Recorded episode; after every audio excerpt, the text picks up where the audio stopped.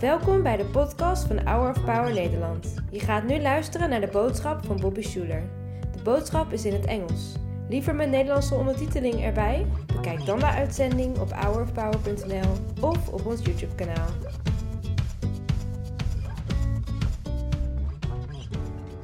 always loved that creed. It was in my personal life before we brought it here to the church, and it helped me so much because it brought me freedom. Freedom from feeling like my whole identity is wrapped up in what I do, especially like not just morally, but what I do for a, like a living, like my job, or my identity is wrapped up on in what people say about me, and or the things I have, the car I have. And today we're going to talk a little bit about that, especially about what people say about you and what it's like in life when you experience a kind of rejection.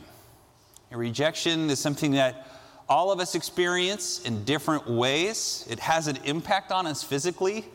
The chemicals in our body actually change when we experience insult or rejection. And it's, it's very hard uh, to experience whenever it does. Maybe you just experienced one, or maybe it's been a while, but there's another one coming. There will be, I promise. Whether it's a job you applied for and you didn't get it, or maybe you applied to you know, your favorite college or some kind of academic program and you were rejected. Or, uh, or just being uninvited, you know, being a part of a group of friends and you notice that your friends go out and you didn't get invited and you sort of had the sneaking feeling that maybe you don't belong as much as you thought you did. Or you thought you were building this friendship and you wonder what's going on. So in life, when this happens so often, I know for me, it's easy to start spinning my wheels. Why would they say something like that? Why would they do something like that to me? I've had multiple nights of sleep ruined because of something a stranger randomly said to me. Today we're going to get freedom from that, okay?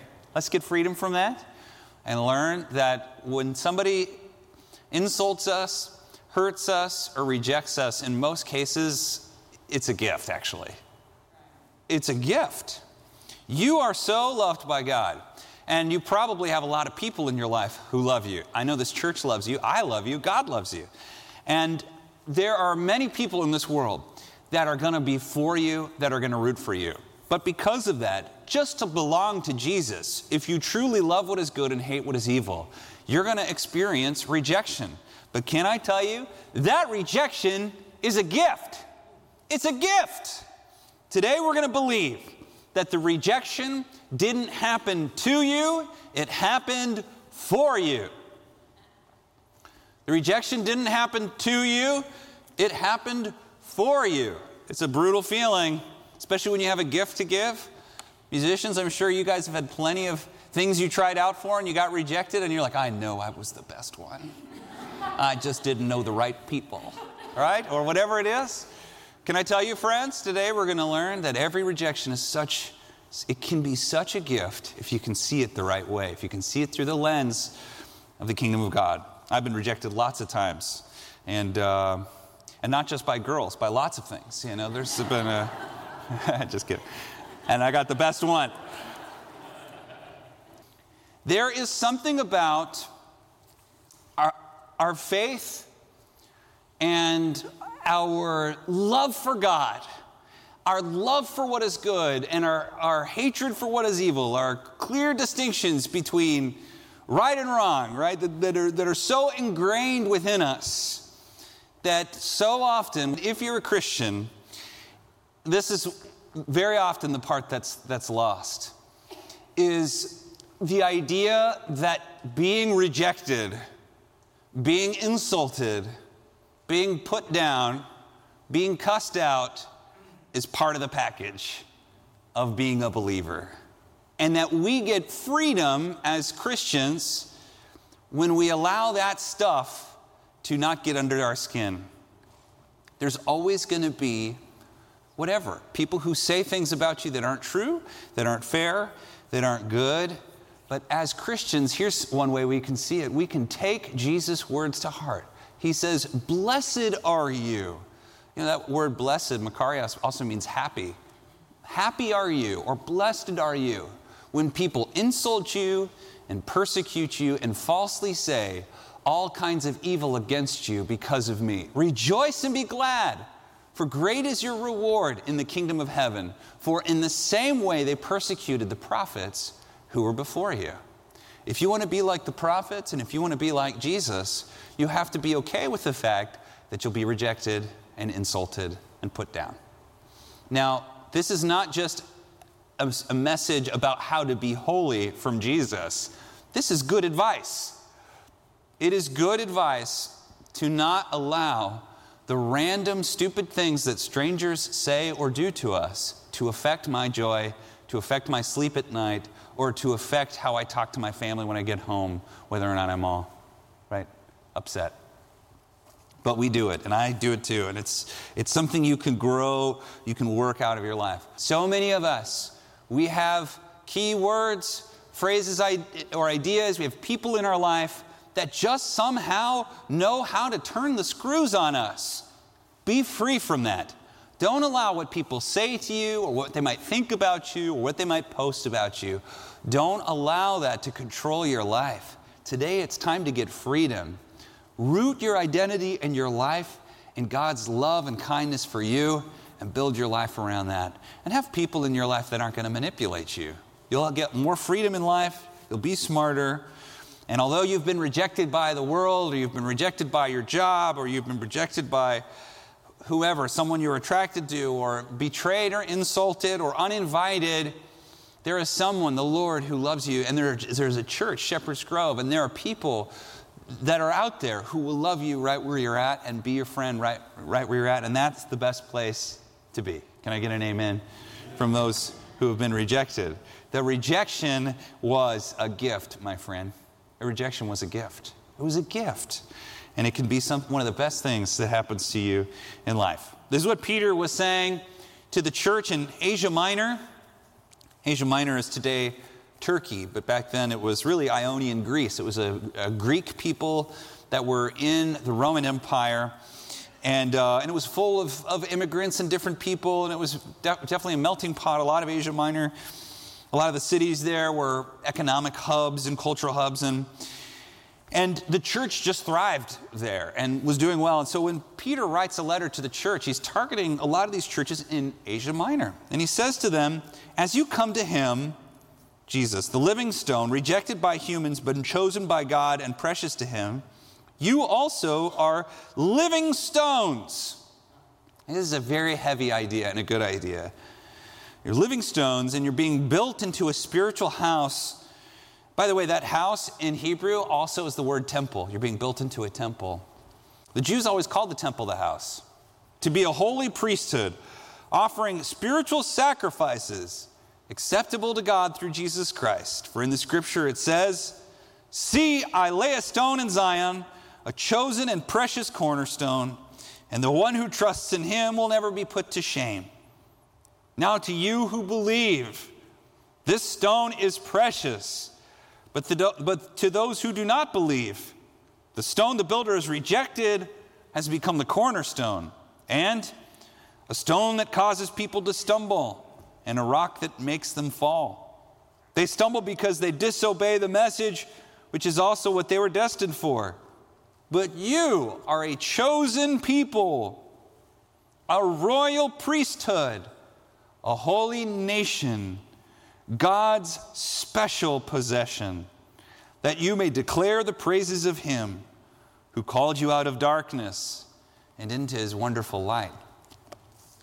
Uh, Peter is saying, you look in a world around you and you feel rejected by your neighbors, but never forget they rejected the, the chief stone. They rejected Jesus Christ. They rejected the best person who has ever lived. They rejected the most intelligent, joy filled person who has ever existed. They rejected him. And if you're anything like him, they'll reject you too. Isn't that encouraging? I think there's an, another part of this as well that in Asia Minor, it's easy for God's people to look around and kind of say, We don't have a temple. So, like, uh, here's the temple of Aphrodite. And this is also pulled from a video game, I'm sorry. But, the, but it's perfectly done. This is exactly how it was, actually. Uh, this is a, imagine like you're a new believer and this is where your family goes. Look how beautiful it is. And this is where they have all the celebrations and the food and everything. And they're like, Won't you come? Won't you? And you're like, and you're kind of like, Hey, Peter, can we get a, can we get like a cool temple? Like, can we have like a cool building? Like, and, uh, and Peter says, you, You're living stones. You're living stones. This building, the reason I had to pull it from a video game is it's just rubble today. It's not even there anymore. You go by and it, it's just a, a couple of pillars knocked over. And that's how every building will be, except for one the temple of God, which is made of people like you.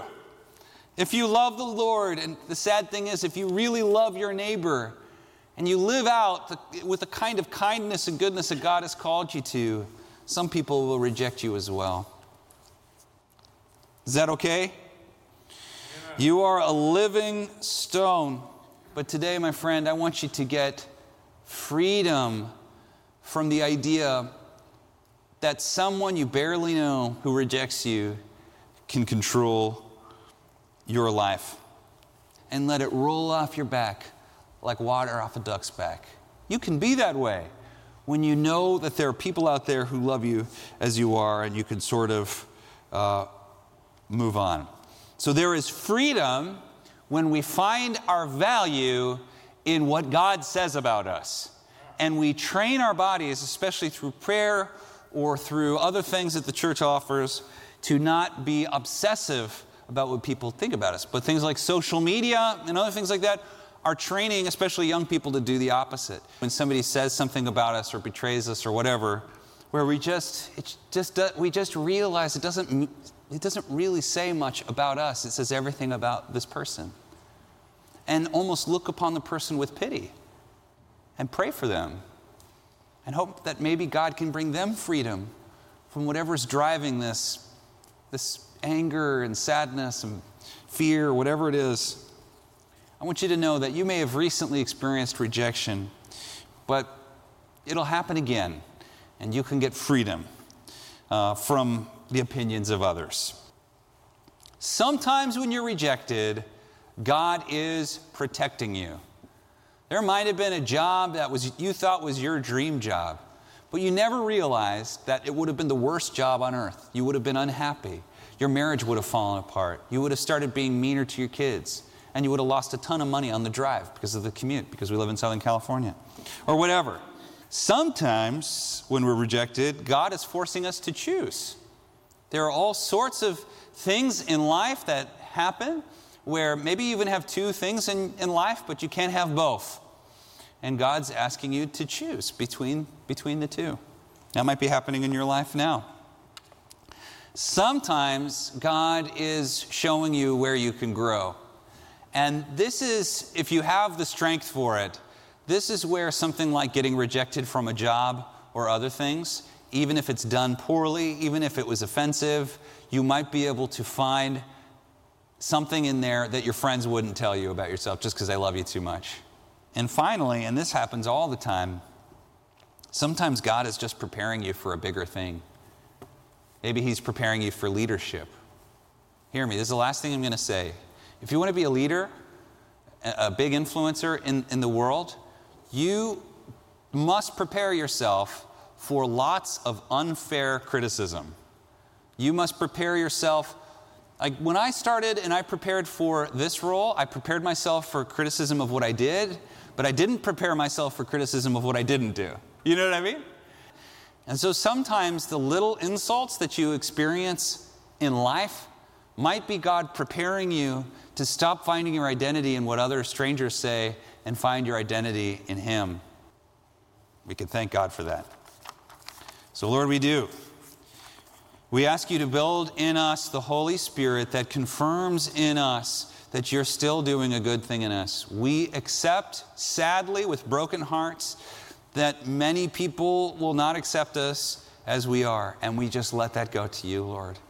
We ask you to help us grow, to be deeper in love and kindness. Help us to, re- to see these rejections as gifts, and help us, Lord, to be more like you, Jesus. We love you. We thank you. It's in your name we pray. Amen. And now the Lord bless you and keep you. The Lord make his face to shine upon you and be gracious unto you. the Lord lift his countenance upon you and give you his peace. In the name of the Father, and of the Son, and of the Holy Spirit. Amen. Bedankt voor het luisteren naar de podcast van deze week. We hopen dat deze boodschap jou heeft bemoedigd. Wil je meer weten over Hour of Power of dagelijkse bemoedigingen ontvangen? Ga dan naar www.hourofpower.nl.